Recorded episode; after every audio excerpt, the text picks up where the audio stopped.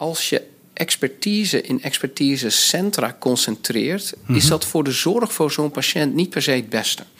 Het is namelijk, dat, het is namelijk zo dat zo'n patiënt die loopt niet de spoedeisende hulp van een expertisecentrum op. Nee. Die loopt de spoedeisende hulp van het algemene ziekenhuis in de buurt eh, op met klachten. En dan hoop je dat die symptomen uiteindelijk ge- geïdentificeerd worden als zo'n eh, zo'n ziekte. Ja. Dus je moet ook ehm, eh, scherp zijn in je zorgorganisatie dat het concentreren van eh, expertise niet hetzelfde is als het concentreren van de zorg voor die zeldzame patiënten. Kunnen we een zorginfarct voorkomen?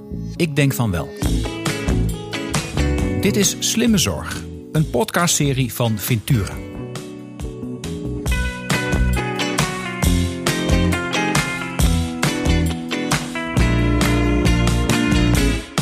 Mijn gast van vandaag is Onno Teng. Onno is per 1 maart 2023 benoemd tot hoogleraar nierziekte, in het bijzonder renale auto-immuunziekten. De komende jaren richt hij zich op het voortzetten van het immunologisch onderzoek met verschillende klinische afdelingen van het Leids Universitair Medisch Centrum, het LUMC, samen met de nefro-immunologie. Onno is sinds 2014 internist-nefroloog in het LUMC en vanaf 2015 hoofd van de polykliniek nierziekten, waar in 2016 het Centrum voor Lupus Vasculitis en complementgemedieerde systeemziekten, het LUVAX, is gestart. Dit centrum is in 2021 erkend als Nationaal Europees Expertisecentrum door zowel de NFU als de Europese Unie. Het expertisecentrum is actief lid van de European Reference Networks RITA en ECNET. Onno, welkom bij de, bij de Slimme Zorg podcast. Doet mij toch, toch veel genoegen. Wij, wij kennen elkaar uit een heel lang verleden. Iets Ja. met, met orgaandonatie en, en, en activisme daaromtrent. Positief, Zeker. Positief activisme, hè, zo moeten we dat zien. Altijd goede discussies. Altijd gehad. goede discussie, inderdaad. Maar ja, nu zitten we in een heel andere zitting. En ik Ja. zie jou, eh, zoals ik je destijds niet zag, in een witte jas. Als een echte, echte dokter. eh, Een echte dokter. Ja. Ja, ja, nee, dat, is, dat, dat, dat, dat vind ik mooi. En eh, wat ik ook mooi vind, maar daar gaan we het zo over hebben: auto-immuunziekten en dergelijke. Ik heb een echtgenote die daarin gepromoveerd is. Dus ik heb er wel een klein tikje van meegegeven. Maar ik ben slechts een eenvoudige jurist. Jij bent een echte arts, dus er moet, moet nog wel verschil zijn. eh. En laat ik nou eens aan een echte arts vragen. Ja. Onno, wat is volgens jou slimme zorg? Ja, slimme zorg. Ik heb natuurlijk over die vraag kunnen nadenken. En nou, ik denk slimme zorg zit, eh, is zorg die geleverd wordt door een som van behandelaren. Hmm. En eh, ik, ik weet dat deze podcast natuurlijk een, een mooie digitale of een hele eh, intelligente antwoord zoekt. Nee hoor, Maar volgens mij zit zit hem in de mensen.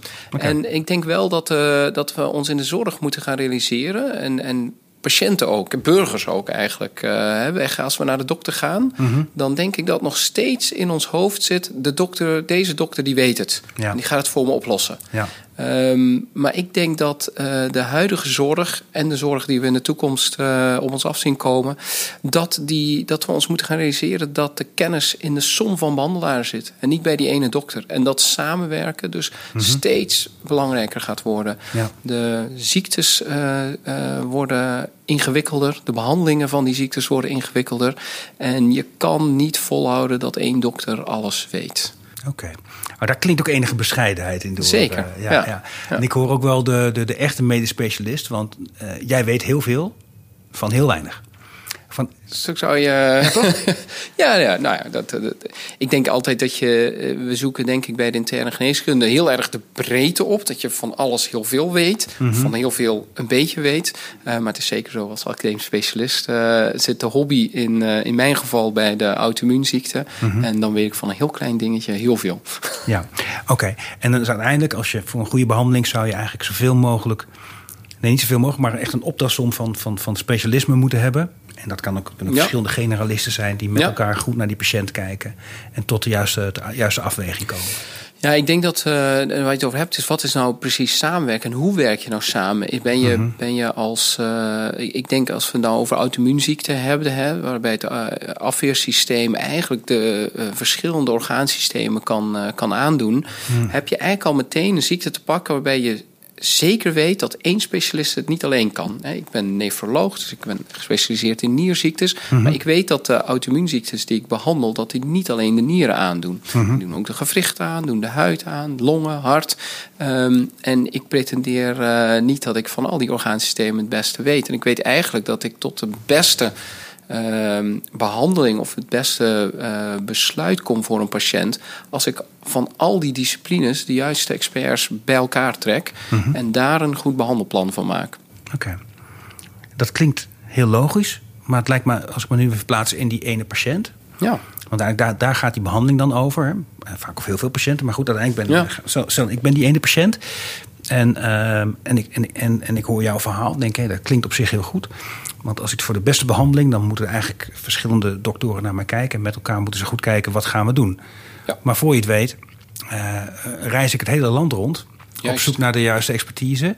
Eh, word ik verwezen van A naar B naar C naar D. En zo extreem gaat het vaak niet. Er zijn weinig patiënten die het hele land rondreizen. Maar er zijn er toch heel wat die inderdaad toch van de ene naar de volgende specialist... dan weer een volgende, dan weer een volgende. Terwijl je dat eigenlijk graag zou willen voorkomen. Liever aan de voorkant goed kijken met een team. Maar hoe Ja. organiseer je dat dan? Ja, dus dat is exact. Dus het, het, het is mooi dat ik eh, meteen het zaadje geplant heb. Want als je echt goed gaat nadenken, wat is nou goed samenwerken in de gezondheidszorg, dan is dat nog echt een opgave. En ehm, ik denk ook dat daar de winst in zit. Eh, eh, als je mij vraagt van, goh, wat voor verbetering van zorg eh, zou je nou kunnen realiseren, eh, dan zit het echt in dat samenwerken tussen behandelaren. En het interessante is, we hebben, we gaan het zo dadelijk wat wa- meer over eh, hebben, maar we hebben in 2016 eh, eh, aan patiënten met zo'n auto-immuunziekte gevraagd van, goh, als we nou iets zouden moeten verbeteren qua zorg, hè, ehm, eh, wat zou dat dan zijn? Eh, en als je dat aan die patiënt bevraagt, kwamen ze allemaal van, ja, gek, we hebben een, een zeldzame ziekte. Eh, die ziekte draag je leven lang mee. En je kan het heel goed vinden met je behandelaar. Maar als je een ziekte, je chronische ziekte hebt, eh, in, in die ziektecarrière komen er altijd wel momenten dat je samen met je behandelaar denkt. Weten we wel zeker of we het aan het goede eind hebben? Ja. En dat is een moment dat je eigenlijk expertise erbij wil halen. En eh, ja, patiënten vonden dat moeilijk. Moeilijk om misschien die vraag te stellen. Moeilijk om een second opinion te vragen. Je- Je voelt die drempels wel. Nog interessanter was dat op hetzelfde moment de dokters gevraagd hebben: wat zouden wij nou de zorg voor dit soort patiënten met een zeldzame ziekte, hoe zou die kunnen nou eh, verbeteren? Zeggen die dokters hetzelfde? Zeg ja, ik ben op zoek naar experts. Wat ik doorgaans doe is, ik lees de literatuur en dan weet ik ergens, oh, daar zit een Nederlandse auteur, die kan ik misschien eh, bellen of contacteren erover. Of ik ga naar mijn dichtstbijzijnd academisch ziekenhuis om wat meer kennis te halen. Maar wie is, nou, wie is nou expert en hoe kan ik die expertise vinden? Dat was lang niet voor iedereen eh, even duidelijk. Nee, nee, en zelf op zoek moeten gaan is ook nog wel een enorme klus. Dat je leest dat, nog- hoe kom je in contact? Het is niet zo dat elke dokter in Nederland ieder andere dokter kent. Exact, exact. Nee, en een telefoonnummer in de Rolodex. Dat is Ja. een ouderwets woord trouwens, maar goed. eh, Ja, staan, eh. ja, exact. Dus, maar dan, als, je dat al, als dat al een drempel is, dan is dan, dat staat ver van wat we samenwerken in ons hoofd zouden hebben. Samenwerken met experts, met dokters, maar ook met de patiënt. Ja. wordt dan wel heel moeilijk als je niet weet waar je, waar je je partners zou moeten vinden.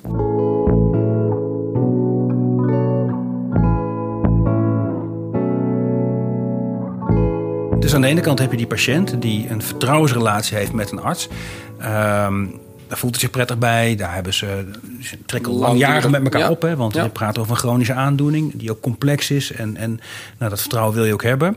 Maar toch wel zo'n patiënt die denkt, weet die dokter wel alles? En die dokter die ook wel weet, ik weet eigenlijk niet alles. Ja, ja. En die dokter wil niet die patiënt van A naar B naar C naar D naar F eh, tot en met eh, verder sturen. En die patiënt heeft ook geen behoefte aan, want die kent die andere doktoren niet. Dan moet je elke keer weer opnieuw investeren in die relatie.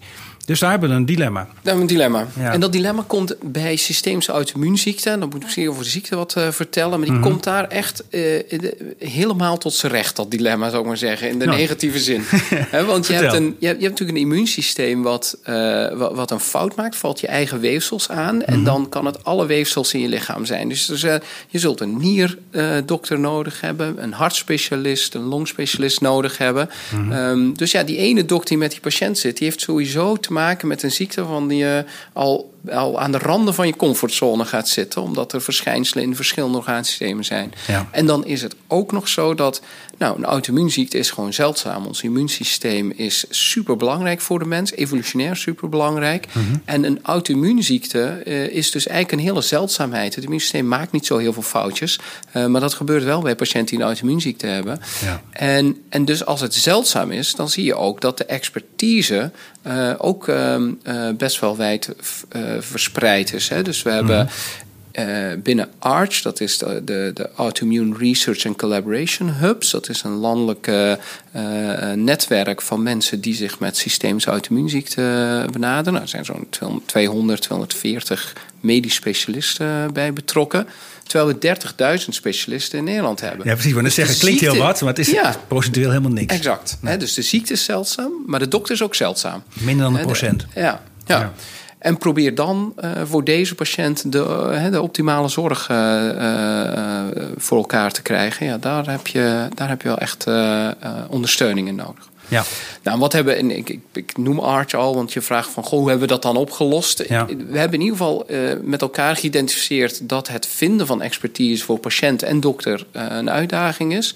Dus toen hebben wij ook gezegd als Arch van, nou, laten we nou voor eh, in ieder geval als zorgprofessionals voor deze patiënt met zeldzame systemische auto-immuunziekte die expertise transparant maken voor patiënt, maar ook voor dokters.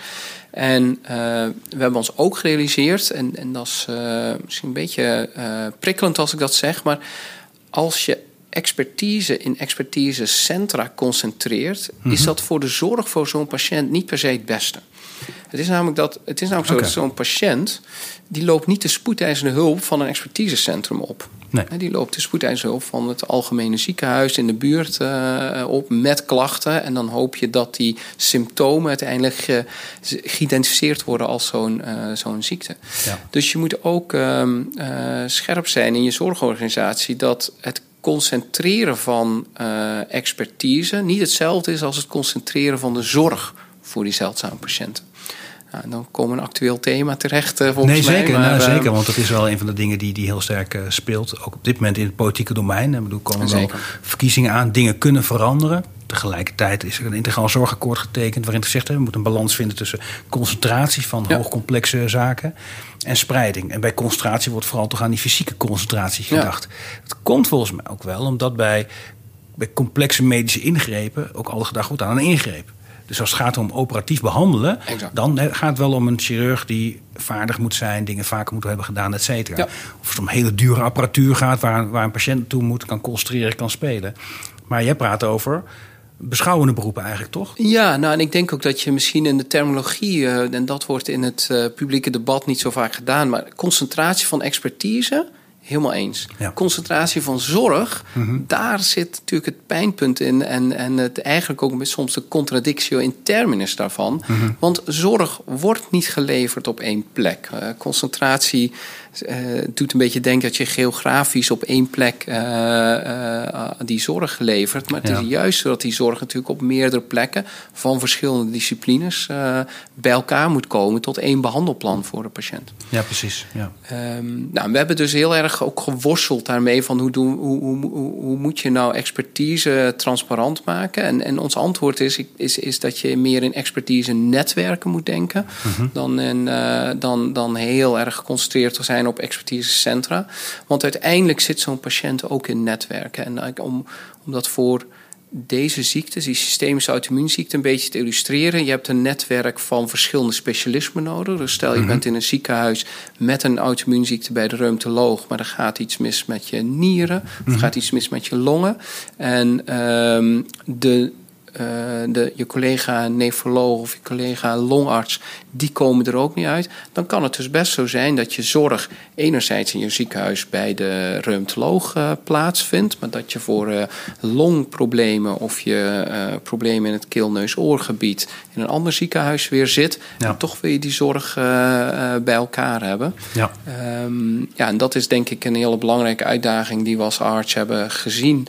En ook hebben gezegd van nou eigenlijk wat ideaal zou zijn is stap 1 de expertise transparant maken voor patiënten en voor dokter. Maar vervolgens hebben we nog een schepje bovenop en gezegd van hoe kunnen we nou die expertise in de polyklinische kamer van die medisch specialist en die patiënt krijgt. Dus helemaal aan de voorkant eigenlijk. Echt aan de voorkant. Hoe kun je nou expertise echt ook transfereren naar die polykamer? En daar hebben we het concept van expertise consultatie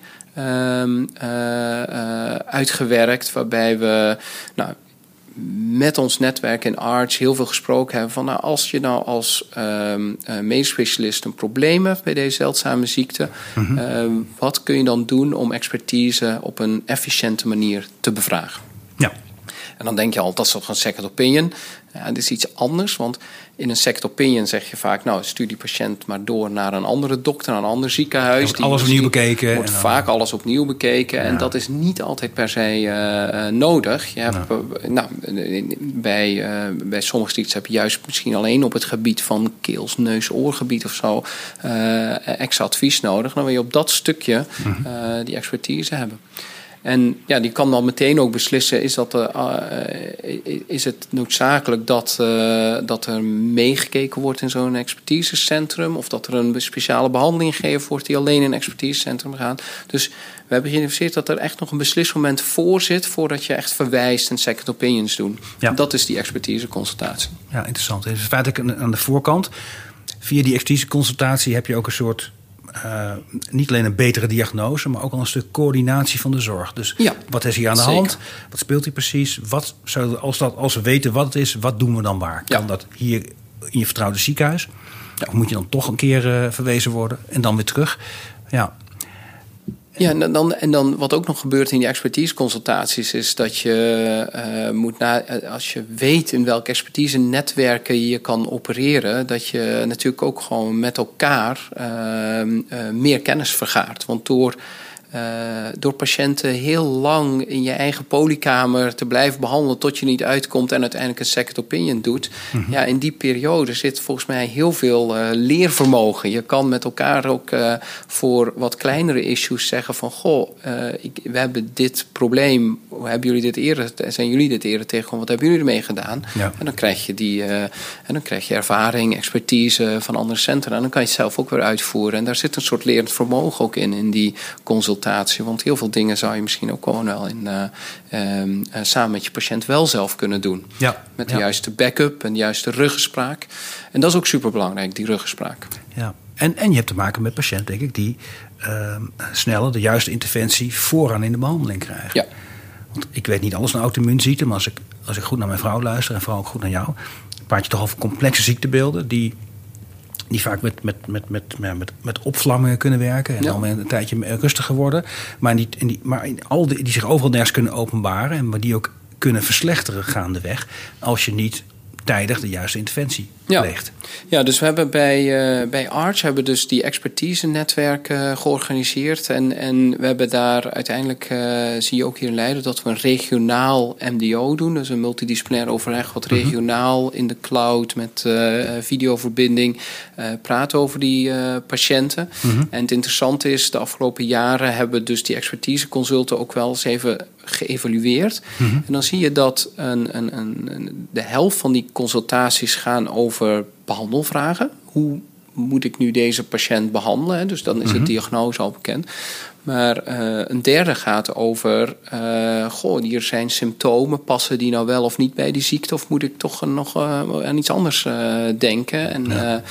Uh, dus dat zijn meer diagnostische vragen. En een derde zijn gewoon uh, vragen van complexiteit, noem ik dat. Uh, in de zin dat of patiënten hebben nog niet de diagnose. Dus dan -hmm. worden ze met een symptomencomplex gepresenteerd. En is de vraag van, goh, herkennen jullie als experts dit? Want we denken aan een auto-immuunziekte. Ja. maar dan ben je echt nog in het begin van de diagnostische fase. Mm Nou, dus dan de, die verdeling van vragen die je van als, als, als consultatie aan experts ziet... die is wel mooi dat je die nu zo in kaart eh, krijgt uh, via die uh, expertise-netwerk. Want dat illustreert ook waar dokters soms mee worstelen samen met hun patiënt. Mhm. En vaak gaat het over behandeling. En het is niet per se een behandeling die dan ook weer in een expertisecentrum gedaan hoeft te worden. Dat zijn vaak toch behandelingen die zeggen van nou, dit, dit is wat we doorgaans zouden doen.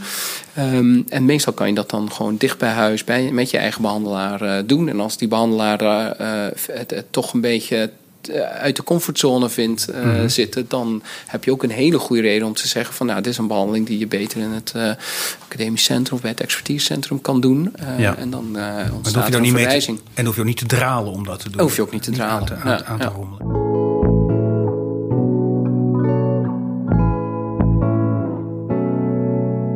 Hey, want dat, dat klinkt dus echt heel goed. Dus je hebt gezegd, we gaan die stap gezet, we willen die kennis bundelen. Dat gaat niet fysiek lukken. Het is, misschien, is ook eigenlijk onwenselijk als je één centrum voor auto-immuunziekten in Nederland zou maken. Voor die patiënten verschrikkelijk. Zelfs, maar het is ook niet te organiseren uh, qua, qua, qua experts en noem maar op. Het is gewoon niet te doen. Ze maken er een netwerk van. Ja. Zorg dat we goed bij elkaar kunnen meekijken. Tijdig dingen doen. Um, dat klinkt supergoed dan zou ik verwachten dat verzekeraars, toezichthouders, politiek zeggen: nou, wat een geweldig idee. Dit ondersteunen van harte. Ja. En dan nu de realiteit. Dat is deels waar, toch? Niet? Ja, deels waar. Dus ik ja. denk wat de Arch uh, heel sterk maakt... is dat we en het netwerk zijn... maar ook een tooling ervoor hebben gemaakt. Uh, okay. zo we, en ik denk dat, dat... Dat is misschien goed om, voordat we over de, de, de andere de, de zaken omheen... daar misschien nog wat over te zeggen... is namelijk dat een expertiseconsultatie doen klinkt heel logisch. Mm -hmm. um, maar als je in de praktijk wederom kijkt, is het toch weer weer barstiger. Mm -hmm. uh, want uh, we hebben, uh, toen we in ARS identificeren, nou, expertiseconsultatie moeten we echt uh, veel dynamischer maken. Het moet makkelijker worden. Hoe, wat kunnen we doen? Mm -hmm. Nou, stap 1 was dat we experts hebben gevraagd: Goh, jullie doen vast wel iets in de trant van expertiseconsultatie. Het concept ja. bestond nog niet helemaal. Een collega je... die je belt. Exact, dan, ja, een collega ja. belt in. Mm -hmm. En wat, wat was het nou? Is dat, dat je vaak ziet, het zijn zeldzame ziektes. Dus de collega die jou om expertise vraagt... heeft mm -hmm. ook niet per se al ervaring met zo'n zeldzame ziekte. Dus die mm -hmm. geeft je een boel medische gegevens... en die hoopt dan dat, jij, dat de expert er wel uh, uit die soep iets van breidt. uh, dat maar die expert heeft hetzelfde dilemma als die behandelende arts natuurlijk. Tuurlijk. Die vindt het ook ingewikkeld. Tuurlijk, het is ook ingewikkeld. En dus eindigt dat heel vaak, doe maar een second opinion... want dan gaan we het hier gewoon even netjes op rij uh, zetten. Oké, okay, dus en dat, dat helpt nog niet. Nee. Dat helpt nog niet. Dus we hebben toen met elkaar, als specialisten bij elkaar... een uh, consensus uh, gevormd en, ge en, verkregen. Waarbij we zeiden, van, als je aan deze ziekte denkt... zij het SLE, lupus of ankylvasculitis... een van die auto-immuunziektes... Mm -hmm. um, wat voor gegevens wil je minimaal aan die expert aandragen... zodat er ook gewoon een relevant expertiseadvies uit kan komen. Nou ja. Um, en dat is belangrijker dan dat je denkt. Want doordat je uh, als behandelaar getriggerd wordt van... nou ja, ik ga expertise vragen... maar dan um, ook nog getriggerd wordt van... ja, maar hoe, hoe moet ik dan die expertise vragen? Nou, dan heb je een aantal... Er zit een soort triage voor, zeg ja, maar. Uh, ja, je hebt een aantal medische gegevens nodig... je hebt een voorschienis nodig... maar je hebt ook een aantal labuitslagen nodig... en dat soort dingen. Mm -hmm. Nou, door dat heel gestructureerd in consensus overeen te komen... want ja, soms zegt... Uh, je voelt al aan hoe die discussies zijn gegaan. Die expert zegt, nou, doe me ongeveer het hele dossier. Um, uh, maar ja, dat is natuurlijk niet te doen als je als behandelaar in de polykliniek uh, super druk bezig bent. Dus je moet ook een beetje concise blijven. Um, dus daar hebben we consensus over. En dat maakt dan meteen al dat je ziet dat die expertiseconsultaties en uh, efficiënter, maar ook gestructureerd worden uitgevoerd. En dat je ook heel duidelijk het verwachtingenmanagement hebt van zo'n expertiseconsultatie. Dus dat mm -hmm. je niet een hele second opinion, krijgt ook niet een hele herbeoordeling van CT-scans en biopten. Uh, maar je gaat uit van de informatie die jou aangeleverd wordt en die je essentieel vindt om uiteindelijk tot een vervolgstap te komen. En als het te complex is, dan is ook de conclusie: dit is te complex. En dus is het een patiënt die naar een uh, expertisecentrum ja, gaat. En daar, daarvoor sector opinion. Dat kan altijd nog een keer de uitslag exact. zijn. Maar ja. dat wordt dan de uitzondering. Ja, ja. En ik denk dat dat ook misschien het bruggetje is van hoe is nou de realiteit. Ik denk ja. dat uh, de Nederlandse zorgautoriteit ons zorgsysteem echt heel goed geholpen heeft door uh, begin dit jaar, uh, en die discussies zijn dus in 2022 tot een conclusie gekomen om er een DBC-tarief voor te introduceren voor mm -hmm. het expertiseadvies. En ja, wat ik wel interessant vond, en ik ik denk niet dat Arch nou in, in, in volle directheid mee heeft gedaan aan, aan het opzetten van zo'n DBC-tarief. Maar je ziet wel dat, dat de ervaringen die Arch heeft, ge, heeft gehad de afgelopen jaren met expertiseadvies, die komen toch wel heel mooi overeen. Mm -hmm. uh, wat daar door de Nederlandse Zorgautoriteit beschreven is als voorwaarde voor waar moet nou een expertiseadvies aan voldoen om daar ook uh, financiële vergoeding voor te krijgen via de zorgverzekeraars. Ja. Ehm, en dat zijn een aantal eisen als van nou, de meeste gegevens moeten gestructureerd aangeleverd zijn bij de expert. De expert levert gestructureerd een, een conclusie en een advies terug. Ja. En dat moet allemaal herleidbaar zijn, even heel kort uh, gezegd. Dus dat past één op één op wat jullie hadden bedacht? Ja, dus dat, uh, dus, dus dat is wel. Dus ja. ja, wij zijn in 2017 begonnen. Dus we hebben vier, vijf jaar geworsteld om, om. Want we hebben heel erg geduwd, denk ik, de afgelopen twee, drie jaar. Ook bij onze eigen federatie medisch specialisten, maar ook bij de NZA, ook bij zorgverzekeraars, om te zeggen: kijk wat we nou in Arts aan het doen zijn, dat heeft echt zin. Het is een kleine groep patiënten, het is allemaal niet hoog volume en hoog impact als je op de grote geheel van de gezondheidszorg bekijkt. Nou, financieel wel. Het, zijn, complexe patiënten die nou, veel zorg moeten gebruiken. Ja, maar daar heb je best wel overredingskracht voor nodig voor de externe partijen. Ja. Ja, zeker. En ik denk dat dat. Hoge ziektelast trouwens ook nog. Hoge ziektelasten. Maar dat is wel het euvel wat uh, patiënten met een zeldzame ziekte eigenlijk uh, altijd al uh, moeten, moeten overkomen. Kleine volumina. Weet je, als je een ziekenhuis, mhm. als je een bedrijf, als je ziekenhuis een bedrijf zou zien, mm ja, je gaat je bedrijf vaak niet inrichten op, op de uitzonderingen. je richt ze in voor de groot, hoogprevalente, de kankerzorg, de hart- en vaatziekten en dat soort dingen. Ja. Uh, de zeldzame patiënten komen toch vaak een beetje wat, wat achter in de rij uh, aanzetten. Ja. Nou, die discussies, dat, en dat hebben we ook echt wel gevoeld de uh, afgelopen jaren, dat dat voor zeldzame ziektes en, en ook deze het expertise consulteren, ehm, ja, daar, daar worstelen zorgverzekeraars toch heel erg mee met ook de vraag van hoe relevant is dat dan en, en, en voor mijn cliënteel en dat soort zaken. Ja. Maar het is toch gekomen. En dat denk ik, uiteindelijk moet je het, uh, ondanks alle struggelingen die je dan doorloopt, moet je wel positief uh, eindigen dat het, dat het toch gekomen is, uh, dat expertiseadvies. En dat is een enorme, wat mij betreft, een enorme plus voor patiënten met zeldzame ziekte. Ik denk dat het de zorg echt kan verbeteren. Ja, ja en, en het interessante is, zo'n expertise werkwijze. Je zegt, ja, we hebben dat dan voor nu voor zeldzame ziekten, of in ieder geval voor mensen met, een, met, uh, met systemische auto-immuunziekte, kunnen organiseren in arts. Het speelt natuurlijk eigenlijk wel breder. Hè? Het speelt, speelt, bijvoorbeeld ook bijvoorbeeld in die hele grote ziektebeelden, zoals oncologie en uh, noem maar op. Als je kun je complexe gevallen tegenkomen, waarin ook uh, nou, ja. zou willen voorkomen dat je patiënten van te veel moet laten rondreizen. Of, Ik ben helemaal overtuigd dat het daar ook, ook speelt. Mm Er zitten ook in de hoogprevalente ziektes altijd meer complexe en zeldzame ziektes. Maar het gaat, het gaat nog verder dan dat. Dus de, de VSOP is een organisatie, uh, uh, semi-overheid volgens mij, maar die houdt zeldzame ziekten in Nederland in de gaten. En die mhm. heeft uh, ook berekend, er zijn ongeveer 7000 zeldzame ziektes. En zeldzaam is als het minder dan 0,05% in de bevolking voorkomt. Mm um, maar al die 7000 ziektes opgeteld, komt bijna tot 1 miljoen Nederlanders ja, dat, uit. Dat is heel veel, ja. Dus uiteindelijk heb je gewoon een hele hoop zeldzame ziektes, waarbij het dus best wel ingewikkeld is om de zorg optimaal te regelen. En dat is wel een uitdaging die, uh, die artsen afgelopen jaren aangaan, maar die, die je ook dus kan doortrekken naar al die aandoeningen. Ja, nou, dat, dat, dan, dan kom je terug bij die, bij die verzekeraars die misschien wat twijfelen en denken, ja, ja. Het, zal wel, het valt ergens weg in de marges van de, van de declaratie, zou je denken, voor die ene aandoening, als je die zouden benoemen.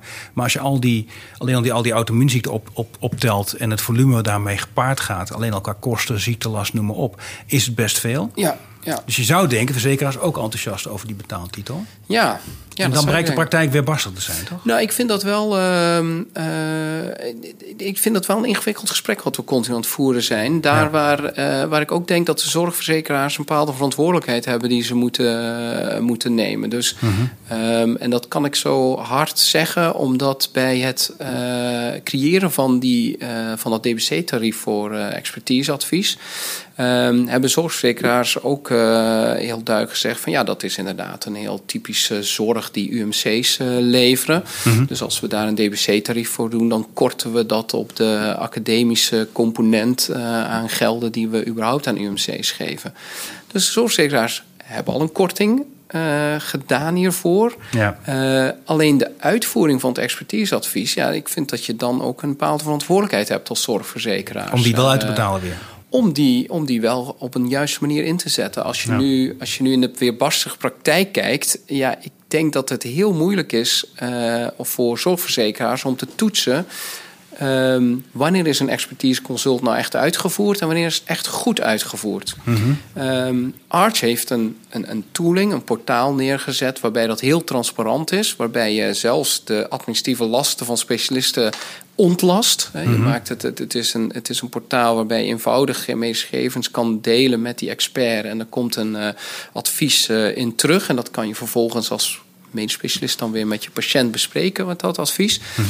En het mooie van de tooling die arts heeft gemaakt is, is dat het tooling is die over de randen van uh, het ziekenhuis heen gaat. Dus dat gaat, bui gaat eigenlijk buiten de EPD's om. Je hebt een mhm. portaal, zoals we dat noemen. Maar in dat portaal kan je dus ook transparant dat evalueren. En je kan daar ook zeggen van, nou, dit is uh, op deze manier, uh, dat heb ik ook proberen duidelijk te maken, op, op, blijf ik duidelijk maken, dat je een bepaalde, je een bepaalde kwaliteit aan dat expertiseconsult door die tooling alleen al er neerlegt. En als we met elkaar vinden dat moet nog een stukje beter, nou dan heb je met die toolingen ook iets in handen om dat beter te maken. Uh, maar dat geldt nu voor vijf zeldzame systemische auto-immuunziekten. Uh, we hadden er 7000, uh, zeiden we net. En ik denk dus dat voor die overige 7000 ziektes het wel heel erg moeilijk is om expertiseconsultaties heel, nou, heel transparant en toetsbaar uit te voeren. Um, dus ja, daar ligt, en, en daar ligt toch ook echt bij de zorgverzekeraars een, uh, een, een, verantwoordelijkheid om dat te helpen ondersteunen. Als we met elkaar eigenlijk bedacht hebben dat dit de zorg wel verbetert voor deze grote groep uh, patiënten. Ja, ja, en ik begreep ook dat, dat het hebben van zo'n zo'n expertise consultatie DBC. In feite betekent dat dat een ziekenhuis kan zeggen: ik declareer dat. Ja. En dan moet er een ingewikkelde financiering plaatsvinden van, de, van dat gedeclareerde DBC richting jouw expertise. Jouw, ja, weet expertisecentrum. Ja, ja, ja, dat, is een hele, dat is allemaal ingewikkeld. Nou, zwaar kun je nog over hebben. Zeg, nou ja, oké, het is iets bijzonders. Dan is het maar even ingewikkeld. Ja. Maar ik, ik, ik, ik begreep, en dat, dat, dat hoor ik steeds vaker, dat de manier waarop ziekenhuizen worden gecontracteerd, vaak met goede bedoelingen, wil ze niet ingewikkeld maken, dat is redelijk lump sum met een meerjarencontract. Hè. Dus gewoon zeggen, nou, we gaan niet per aandoening een contract aan, maar voor het hele ziekenhuis één budget. Ja. En dat maakt het voor dan heel ingewikkeld voor een ziekenhuis om vervolgens een aanvullende expertise ergens weggedeclareerd te krijgen. Dus ik, heb die ingewikkeldheid ook gezien. Maar ik heb ook gezien dat de oplossing eigenlijk eenvoudig is. Uh, in, in een expertise-netwerk doe je dingen samen. Mhm. Eh, je ziet ook dat de expertise de som van behandelaren is. Dus als je uh, inderdaad die ingewikkelde financiering zoals die neergelegd is bekijkt, ja, dan, dan dan ziet dat er op eerste gezicht misschien heel eenduidig uit. Van de, de perifere specialist kan het declareren bij de verzekeraar. En, en het expertisecentrum moet vervolgens dat geld weer factureren bij de uh, specialist. Hm. Maar het zit hem in van hoe je dit, hoe je dit factureert. Dus je hm. kan, het, uh, kan het gewoon in euro's uitrekenen. Voordat dat tarief wat daar neerzet is 390 euro. Dus een perifere specialist die een expertise consult doet bij het mm expertisecentrum, die mag 390 euro uh, krijgen van de verzekeraar voor die consultatie. Mhm. En dan is het aan het expertisecentrum om volgens die factuur te sturen. Maar ik denk dat als je dingen samen doet, um, moet je ook realiseren dat die PFR, uh, eh, of de, de, behandelaar die het experteerconsult uh, doet, mhm. dat die natuurlijk ook een investering doet. Iets, of investeert wat tijd erin, zorgt dat die medische gegevens goed op orde zijn. Dus je moet een gedeelte van die 390 euro daar bij die perifere behandelaar laten. En een gedeelte gaat naar het expertisecentrum. Hmm. Dan is het helemaal niet zo ingewikkeld. Dan heeft iedereen de positieve incentive, uh, financieel incentive in ieder geval, om expertiseconsultaties te blijven doen. Wat zo ontzettend belangrijk is voor die zeldzame patiënten die echt wel in hun carrière een aantal momenten tegenkomen dat het wel nuttig en bijdragend zou zijn. En misschien wel een second opinion voorkomt en heel veel additioneel onderzoeken voorkomt. Uh, om een expertiseconsultatie te doen. Ja, want 390 euro, laat eerlijk over zijn, is op, op het totale behandeltraject van een patiënt met systemische auto-immuunziekte. Nee, dat is een, echt een kleinigheid. Dat is niet zo heel veel. Nee. nee, nee. moeten niet lullig over 390 euro, maar. Uh, nee, en het is een hele kleine groep patiënten. Het komt echt niet zo vaak voor. Ja, al, uh, en, en, en denk, ik denk ook dat die 390 euro, die, heeft, die, die is niet dat de specialist dat heeft verzonnen. Die heeft de Nederlandse zorgautoriteit heel netjes uitgedacht. Over, mhm. nou, je hebt een, je bepaalde administratieve last en ondersteuning die je moet, uh, uh, moet doen om een expertiseconsultatie te doen. En je hebt tijd van medisch specialisten die erin zitten. En, en, en, dat is eigenlijk wat je hier doet. En, en laten we eerlijk zijn, kijk, expertiseconsultatie gaat gewoon echt de zorg verbeteren. Dit is voor het eerst een DBC die volgens mij over uh, de muren van ziekenhuizen heen gefinancierd wordt. Ja. Het, is, het is super duidelijk dat, daar dat, dat ook voor de financiering ze een, soort onontgonnen gebied ingegaan zijn. En het is niet onlogisch om dat dan te zeggen van ja, DBC doe je toch gewoon waar de patiënt ook is. Dus dat blijft bij die perifere behandelaar.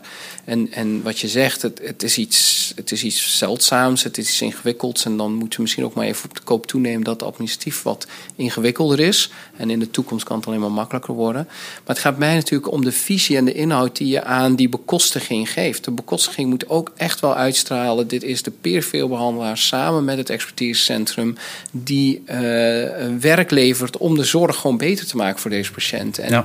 dat zal zich ook in die euro's uiteindelijk uh, zo verdeeld moeten worden. Ja.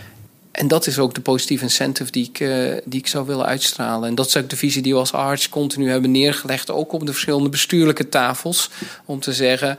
Uh, verdeel nou dat tarief uh, tussen die uh, PFV-specialist en de, de expert. Ja, nou ja, en dan dat, dat, dat klinkt mij trouwens buitengewoon redelijk. En een alternatief is namelijk dat je, dat je het of niet meer gaat doen, je expertiseadvies. Exact. Want dat is financieel aantrekkelijker. Want dan kan iedereen zijn eigen ding. En dan rommel je wat voort met je patiënt. Slecht voor de patiënt, kosten lopen op. Ja, en, uh, voor iedereen slechter. Alleen financieel kan het dan voor de instellingen beter uit. Exact. Ja, ja en dat we second opinions en zo met z'n allen blijven doen, omdat ja. dat zo. Uh, en dat is het gekke. Hè? Maar daar zie je dus ook dat achter bijvoorbeeld zo'n integraal zorgakkoord, waarin dit soort niet specifiek, hè, die, zo'n expertisecentrum rondom arts, maar wel het hele idee tussen concentratie en spreiding. Ja. Dit is concentratie van zorg, namelijk concentratie van zorgkennis. Exact. Opdat je, opdat je dan, en, en daardoor kun je vervolgens weer spreiden, kun je mensen ook voorkomen dat ze moeten rijden. Dus het zit in de hart van datgene wat we met de zorg willen. Ik denk dat dit echt een, een oplossing is die, uh, die ook in het, uh, in het zorgakkoord geëchoed wordt. En uh, mm -hmm. vaak op hoge, hoog over lijnen. Dit is één voorbeeld van een hele praktische uitvoering... die volgens mij aan alle, heel veel vinkjes van het integraal zorgakkoord op groen zet. Dat denk ik ook. Ja, dat denk ik ook. Maar dan, dan, zullen, dan, dan uiteindelijk is dan belangrijk dat die, dat die, dat die zorgakkoordpartijen, en dat zal misschien voor jou ook als, als, als ambassadeur van dit verhaal ook wel ingewikkeld, ja, inzien dat, dat hier iets bijzonders aan het ontstaan is dat extra aandacht nodig heeft om de plooien glad te strijken, om het goed te kunnen doen. Opdat je dat ook misschien voor andere aandoeningen straks op dezelfde manier zou kunnen doen. Zeker. Dus we hebben als arts ook geïdentificeerd dat die transformatiegelden die uh, binnen het Integraal Zorgakkoord ook uh, uh, benoemd zijn. Hè, voor mm -hmm. het transformeren van zorg naar effectievere zorg. Daar hebben, we, daar hebben we nu ook een aanvraag in gedaan. Het is even. Het, het, het, het proces van die transformatiegelden, daar, daar moeten we het nu maar even niet over hebben. Maar Niemand dat is, weet dat precies. Het, dat is, het is niet heel nee. transparant, laat ik het zo zeggen. Maar terwijl we er middenin zitten, zien we ook wel dat we onszelf een beetje uitvinden. Ja. Maar het is wel goed om dit scherp op het vizier te hebben. Dat dit volgens mij, wat je zegt, een investering behoeft. Ook, ook echt een soort ja, uh, start-up investering bij wijze van spreken. Omdat dit is dit is al bijna standaard zorg. Alleen mm -hmm. moeten we ons zorgsysteem echt nog wel even inrichten dat die expertiseconsultaties goed en uh, effectief uh, gevoerd, uh, uitgevoerd gaan worden. Mm -hmm. nou, dat is volgens mij precies waar je transformatiegelden heel effectief kan inzetten om een structuur op te tuigen waardoor expertiseconsulten echt een soort ja, echt gaan lopen en een normaal gebruik worden binnen de zorg. Mm -hmm. En dan komen we een beetje weer op het begin hè, de, van wat ik, wat ik zei, slimme zorg is zorg dat door de som van behandelaar geleverd wordt. Ja. En dat is waar je de injectie uh, in doet. Ja, ja dat, dat, en ik denk je daar helemaal gelijk in hebt. En je, je ziet ook wel dat partijen betrokken bij de zorg en bij de toekomst van de zorg de mond vol hebben over samenwerken. Meer samenwerken in de zorg. Um, maar samenwerken houdt dus ook in dat je expertise deelt. En dat je, dat je mogelijk maakt Ja. dat je expertise deelt. En dat je um, niet omwille van financiële voordelen een patiënt bij je houdt. Of geen consultatie aanvraagt of wat dan ook. Ja. En, en ik heb ook echt het idee dat, dat, dat praten over samenwerken vindt iedereen leuk. Maar zodra je het gaat vormgeven, dan komen er financiële belangen. Dan kijkt men ook heel graag naar de verzekeraar en zegt: die is die de schuldige van. Nee, die vindt op zich samenwerken ook wel een leuk idee. Maar het is gewoon ingewikkeld. En je Nee, moet erover nadenken dat je financiële constructen moet maken. waarin ja, je, het, ook een beetje geven en nemen is om het goed vorm te kunnen geven. Ja, ja. En ik denk, ja, ik word er soms een beetje filosofisch van, maar we, wij hebben in de gezondheidszorg onszelf natuurlijk zo georganiseerd en gemanaged in het concept van patiënt komt bij de dokter die het alleswetend is. Ja. Ehm, en het is echt wel een hele andere kijk op zorg. En ook echt een, een, een, een, een anders denken in de zorg. Als je zegt van hé, hey, maar deze dokter hoeft het niet allemaal te weten, maar kan het misschien ook allemaal niet weten. Mhm. We moeten de organisatie zo neerzetten dat die wel in staat is om de expertise en de kennis eh, bij elkaar eh, te halen. En er zit echt een heel subtiel verschil tussen verschillende dokters die samenwerken voor de behandeling van een patiënt. Dus je gaat polyklinisch op bezoek bij de dermatoloog, en bij de longarts, en bij de nierarts, bij de reumatoloog. Of dat er een multidisciplinair team is dat jou nu behandelt. Ja. En het is heel subtiel, maar ik laat hem even bezinken, ook bij de luisteraars. Het, het verschil tussen verschillende disciplines die samenwerken of echt multidisciplinair een patiënt eh, behandelen. En ik, nou ja, en ik denk niet eens heel lang hoeft in te dalen bij, bij de gemiddelde luisteraar. Ehm, en zeker wat oudere luisteraars hebben het nog veel sterker. Want hoe ouder je wordt, helaas, hoe vaker je last hebt van verschillende klachten die kunnen gerelateerd zijn, soms ook niet. En ehm, ik ken meerdere oudere patiënten die van inderdaad van specialist naar specialist naar specialist gaan. En al die specialisten weten weer een klein beetje van, van, eh, van, eh, heel veel van heel weinig. Dus als je het heel naar wil zeggen, als specialist kijk je toch met een rietje naar de werkelijkheid. Om, om, om dat ene stukje waar je heel veel van af weet goed te kunnen behandelen. Ja. Als een, een patiënt een optelsom van klachten heeft. En dan zou je eigenlijk heel graag willen dat er inderdaad een samenwerkend team is. Dat er coördinatie plaatsvindt. Dat je, dat je inderdaad ook dan een soort gecombineerd eh, advies kunt, eh, expertadvies kunt in, Ja. inwinnen. Ja. Dus wat dat betreft zit je vanuit het hele specifieke auto-immuunziekte... kom je misschien wel helemaal terecht bij een vergrijzende populatie... waar dezelfde dilemma's spelen. Ja, het is zeker heel mooi hoe je dat ziet. Ik denk ook dat dat, ik bedoel, de oudere geneeskunde is een eigen specialisme geworden. En, en je ziet dat daar de toegevoegde waarde van de oude geneeskunde ook zit. Hè, Om- Om juist heel holistisch en breed eh, te kijken naar wat de verschillende, het hele spectrum aan symptomen is bij wat oudere mensen. Maar vervolgens ook een behandelplan te bedenken op, op, op eindpunten die misschien niet heel, eh, eh, die, die echt voor ouderen eh, aansprekend zijn. Dus ik denk die, ja, diezelfde lijn kan je echt wel doortrekken. En, en het is mooi dat je eigenlijk. Ik heb dat vaker ook wel eh, her en der gezegd dat juist bij die zeldzame eh, laagprevalente ziektes kan je allerlei dingen in de, van zorgorganisatie en zorg voor patiënten herkennen en, en erkennen die eigenlijk misschien wel voor het algemenere geheel ook wel zouden gelden waar mensen tegen. Ja, dat is interessant. ik denk inderdaad dat die parallel er is. En het kan heel snel uit om het eh daaruit te proberen. Ja, het is een hele mooie pilot. eh, ja, toch? Klein, ja, nee, Een beperkt aantal mensen dat elkaar goed weten te vinden inmiddels. eh, ja. Ja, de, de, in, in de IT en in, in, in de media hoor je vaak de juiste ontwrichtende verandering. Hè? Meaning, weer wel. Maar ik denk de meaningful change is juist niet ontwrichtend. En, en dat is bij die, la, bij die zeldzame aandoeningen denk ik juist een hele mooie pilot en use case om te kijken van hoe gaat dat nou. En ik denk dat expertiseconsultaties bij deze patiëntengroepen eigenlijk ons heel veel geleerd heeft de afgelopen drie jaar. En ehm, ja, ik roep eigenlijk al anderhalf jaar dat ik dat heel graag wil delen bij eh, eh, netwerken die ook met zeldzame ziekten eh, omgaan. Eh, we zijn ook bij onze eigen federatie medisch specialisten bij de kindergeneeskunde Ja. en andere specialismen langs gegaan om te zeggen van ja, kindergeneeskunde noem ik expliciet omdat ja, bij kinderen eh, zijn ziektes volgens mij überhaupt eh, eh, eh, zou horen zeldzaam te zijn wat mij betreft. Eh, maar je ziet dat bij kindergeneeskunde het heel erg eh, een, een vak is waar netwerkgeneeskunde überhaupt al in de DNA van die eh, kinderdokters zit. Daar komt Ehm, specialisme en generalisme natuurlijk heel sterk samen bij kindergeneeskunde. ja, Ja. En, en, en ik denk dat heel veel. Ik denk dat we daar ook wat kunnen bijdragen met de ervaring die we hebben op systeemische auto-immuunziekten. Top. Dus dit is ook jou een open oproep aan iedereen die zegt: ik ben met deze dingen bezig. Zeker. Meld je. Zeker. Doen. Zeker voordat je naar een commerciële partij gaat. Uh, willen we je ook graag met ervaringen helpen. Ja, er hoeft helemaal niks mis te zijn met, met commercie, maar op het moment dat je het uh, al hebt gemaakt ergens anders. Nou, het uh, gaat echt om ervaring, ja, ja. zeker.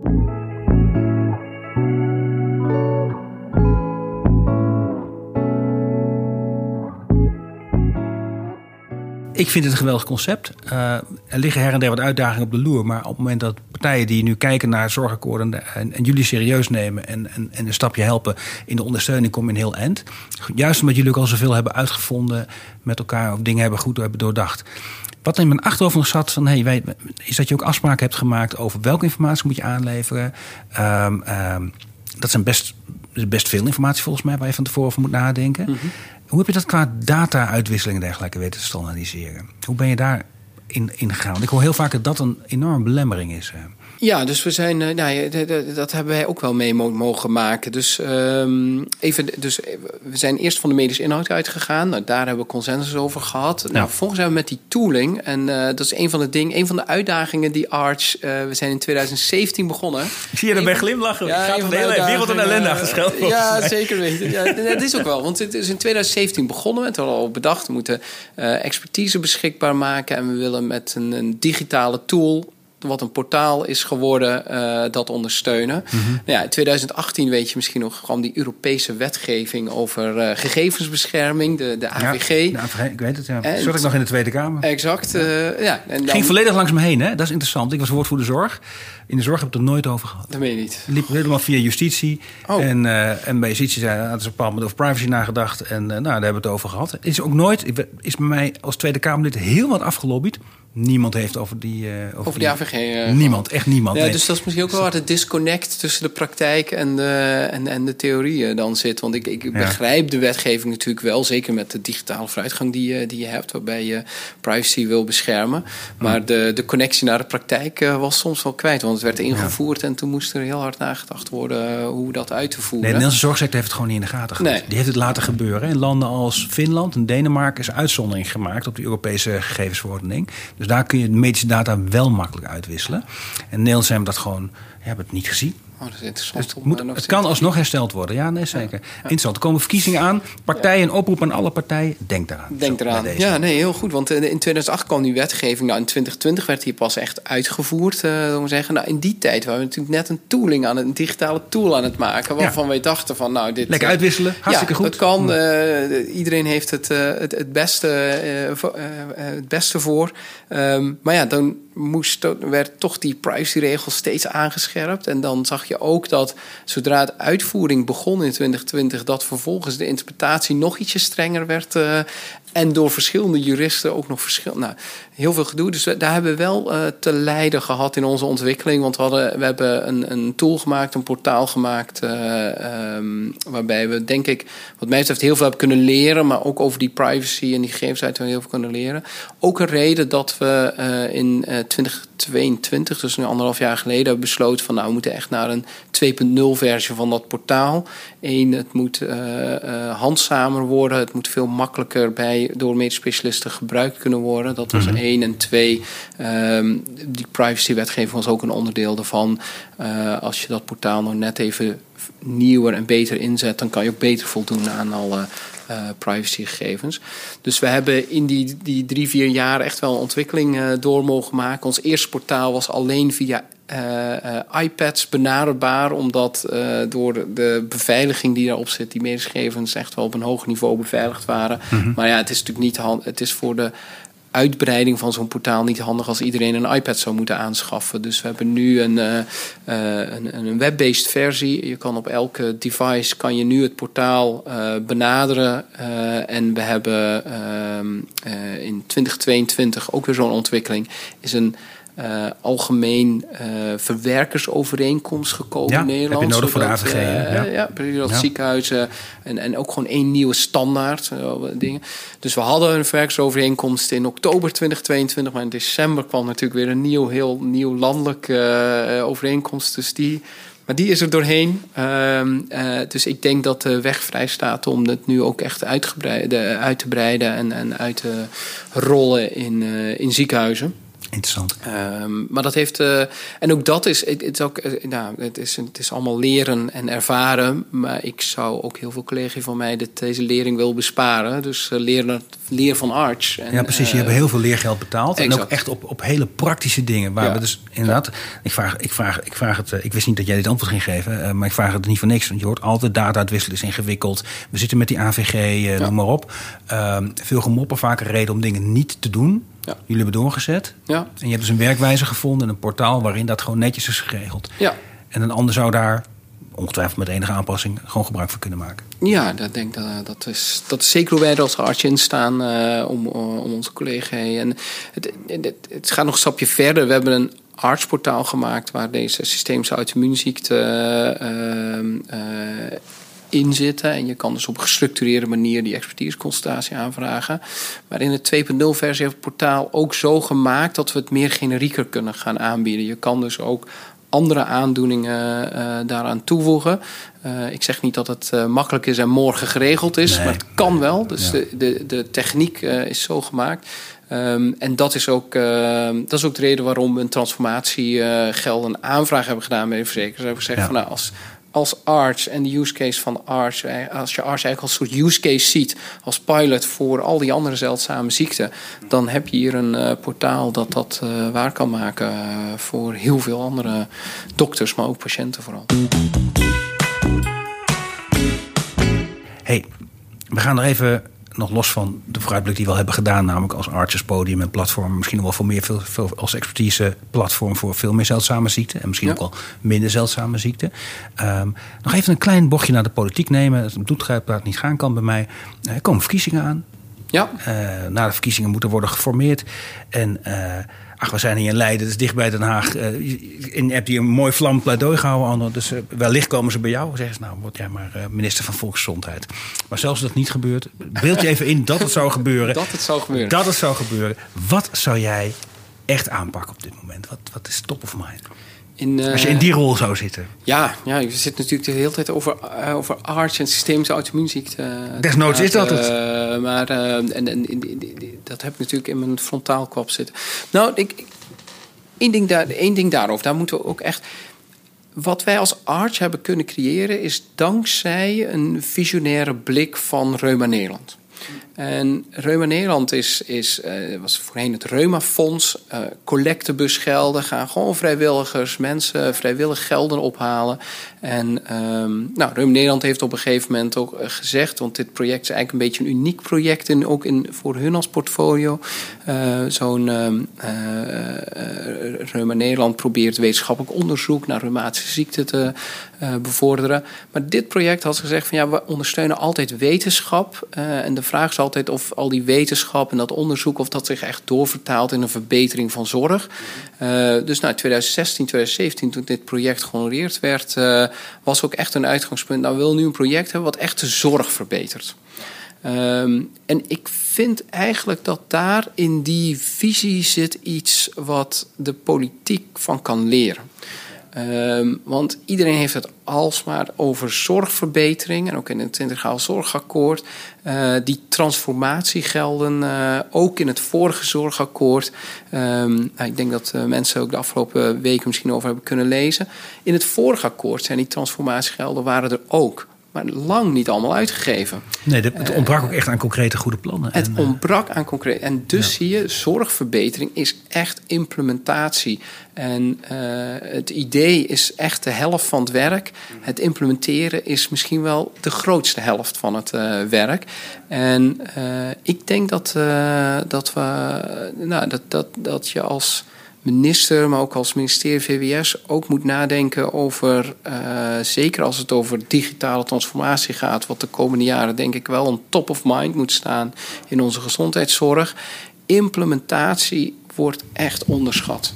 Ja, ik ben het heel erg met je eens. En we zijn wat we net heel graag doen. We, kennen, we hebben zeker geld voor echt wetenschappelijk onderzoek. Hè. Dus als er patiënten zijn die kunnen nu nog niet helpen, dan inderdaad bijvoorbeeld via Reuma Nederland, via allerhande fondsen en ook via de overheid wordt er geld gestoken in wetenschappelijk onderzoek om patiënten die nu nog overlijden misschien morgen wel te kunnen helpen. Zullen we altijd blijven doen, want dat is de menselijke aard. Dat, dat is het. ook. Ja. Um, maar goed onderzoeken, maar vooral ook uitvoeren van hoe kan ik die zorg zelf als systeem verbeteren. Ja. En, dan, en dan bij het systeem ben ik maar altijd aan stelsels en financiering. Dat is, dat is maar een klein onderdeeltje. Het gaat echt daadwerkelijk, hoe doe ik dat in de praktijk? Vinden we lastig. Waar we heel veel geld naar uitgeven zijn pilots. Dus mooi, dat vinden we vaak mooi. Even in een kleine, kleine omgeving proberen of iets werkt. Nou, Ja. pilotje. Ja. Nou, het werkt. En dan? Nou, 9 van 10 keer gaat het dan niet, niet meer door. Eens. Of doen we ergens dezelfde pilot nog een keer. Ja, en dan wordt er ook wel eens gezegd, ja, de, nu moeten de marktpartijen het overnemen. Dan denk je, ja, welke markt? Wat, is, wat bedoel je nou met de markt? Uh, En wat ik, wat ik nou, ik kan de artsportaal wederom als, gewoon als voorbeeld gebruiken. Kijk, dit portaal hebben we samen met patiënten hebben we dit door medisch specialisten en patiënten voor medisch specialisten en patiënten gemaakt. Daar zit geen enkel commerciële belang in. En ik denk dat uh, ja, als je het in Silicon Valley zou ontwikkelen, zou het er misschien nog net iets mooier en net iets uh, sneller allemaal werken. Mhm. maar het is ook zo als je hier als zorglandschap en ook het ministerie heeft er ook een, een invloed op. Als je dit toch zegt van nou, dit laten we over aan commerciële marktpartijen, dan ga je het expertise consult duurder maken. Mhm. Heel simpel. En dan maken we dus in, in zijn totaliteit de gezondheidszorg duurder. En, en in, in dit kleine voorbeeld heb ik, heb ik mogen leren en mogen merken van ja, dit gaat natuurlijk door de hele gezondheidszorg heen. Als je uh, thuismonitoring uh, continu aan commerciële partijen alleen maar overlaat, mm dan wordt het een hele dure gezondheidszorg. Dus ergens kan je als, uh, kan je denk ik als nou ja, zorgorganisaties, en dan is het de NZA, maar ook VWS, maar ook zorgverzekeraars kijken van je moet wel. die projecten die, die daadwerkelijk impact kunnen maken op, op de zorg, uh, die bottom-up ontstaan, ja, daar zul je er toch rekening mee houden dat het een hele financiële impuls nodig zal hebben om dat te implementeren, landelijk te implementeren. Maar het grappige is, als je het commercieel doet, dan staan er opeens miljoenen klaar. En doe je het eh, omdat mensen denken, we gaan er uh, een, een, slaatje uitslaan. Ja. Um, ja, juist op dat moment zou je binnen de gezondheidszorg ook moeten denken van nou, dan gaan we daar zelf in investeren. Want daar maken we uiteindelijk op de lange termijn winst mee. En de zorg beter mee. Ja, ja en dat, dat vraagt wel echt om, om een fundamentele aanpassing. Omdat je, en jij zit hier natuurlijk ook als arts en je wordt in principe word jij betaald om patiënten te behandelen. Ja. En, ja. en zit hier in een academisch centrum, dus je hebt wel wat ruimte om, om een aantal andere dingen daarnaast te doen. En maar het echt daadwerkelijk helemaal opzetten van zo'n platform, het implementeren daarvan, et cetera. Dat is een, zijn activiteiten die, waar staat geen zorgprestatie tegenover. Exact. Worden in principe niet gefinancierd. Hè? Dus dat is altijd extra geld, ben... ander geld. Ja. En dat, dat zou je misschien zo structureel anders moeten doen. Ja, ik ben wel Er zijn wel initiatieven. Ik ben gecharmeerd van het heel Health Impact Bond. Hè. Dat hebben ze. Uh, Ook in de podcast geweest. Ja. Ja, het is ook in een podcast geweest, inderdaad, eh, over valpreventie. Ja. Ehm, en daar zie, daar zie je een beetje dezelfde achtergrond. Waarbij mhm. toch zorgverzekeraars, maar ook ministerie VWS, ziekenhuis, zorgleveranciers, maar ook IT'ers en ook uh, uh, commerciële bedrijven, banken, mhm. meedoen in zo'n bondje om uiteindelijk mhm. dit hogere doel te bereiken. En ik denk dat dat, nou, dat, is, dat is echt wel dat, dat, daar zit echt een win-win-win in. Maar daar zit ook iets, uh, een visie achter om in ultimo gewoon de kwaliteit te willen verbeteren. En het voor die patiënt beter te willen maken. En dat is, als je het puur commercieel houdt, is daar natuurlijk, uh, dan, dan is dat niet de prioriteit. Nee, nee, en terwijl als je de commercie helemaal uithaalt, dan kan best zijn dat de commerciële partij uiteindelijk in het beheer van jouw platform dat veel efficiënter, beter kan of wat dan ook. Hè. Dus, dus het vinden Vanzelfsprekend. En zo'n Health Impact Bond interessant. En wie er meer van wil weten, moet even de, de aflevering terugluisteren. Maar daar zie je wel een soort rationalisering van de afwegingen die je maakt. Zeker. En wat, wat, wat, wat is verstandig, wat kan uit, wie doet mee. En we gaan ook echt naar een bepaald resultaat toe. En dan kunnen we exact. elkaar ook En het eh, resultaat gaat niet om financieel gewin. En dat is denk ik. Nee, een eh, zorgresultaat. En daar moet je ook commercieel partijen op uh, durven triggeren. En zeggen: het gaat hier niet om de miljoenen in je kas te, te willen halen. Maar het gaat hier ook om echt impact te willen maken. En het gewin zit hem dan indirect. En natuurlijk moet een eh, IT-leverancier niet gratis een uh, platform in de lucht willen moeten houden. Die moet ook gewoon betaald worden. Maar het gaat niet om um, nou ja, de zorg te gebruiken als een soort marktproduct. Want dat, dat, daar, daar zit dat, dat is nou, ik denk dat het goed is om eerlijk te zijn dat digitalisering van zorg, daar mhm. zit echt wel een dreiging dat dat ook commercieel een uh, winstbejag wordt. Ja, en dan wordt de data aan zich wordt een product en dat wil je niet. Exact, nee, precies. Nou, met die wijze woorden sluiten we af voor vandaag. Dan mag ik je enorm bedanken. Dankjewel. Dit was Slimme Zorg, de podcast waarin nagedacht wordt over oplossingen waarmee een zorginfarct voorkomen kan worden. Een podcastserie van Ventura. Abonneer je op deze show via iTunes of Spotify en voel je vrij om een review achter te laten. Ik vind het zelf enorm leuk om te lezen wat jullie van de podcast vinden. Je mag me ook mailen op podcast.ventura.com. Vond je de podcast leuk? Dan heb ik een opdracht voor je. Vertel over de podcast aan een van je vrienden of collega's. Mijn naam is Arno Rutte. Dit was Slimme Zorg. Je hoort mij over twee weken weer in een nieuwe aflevering.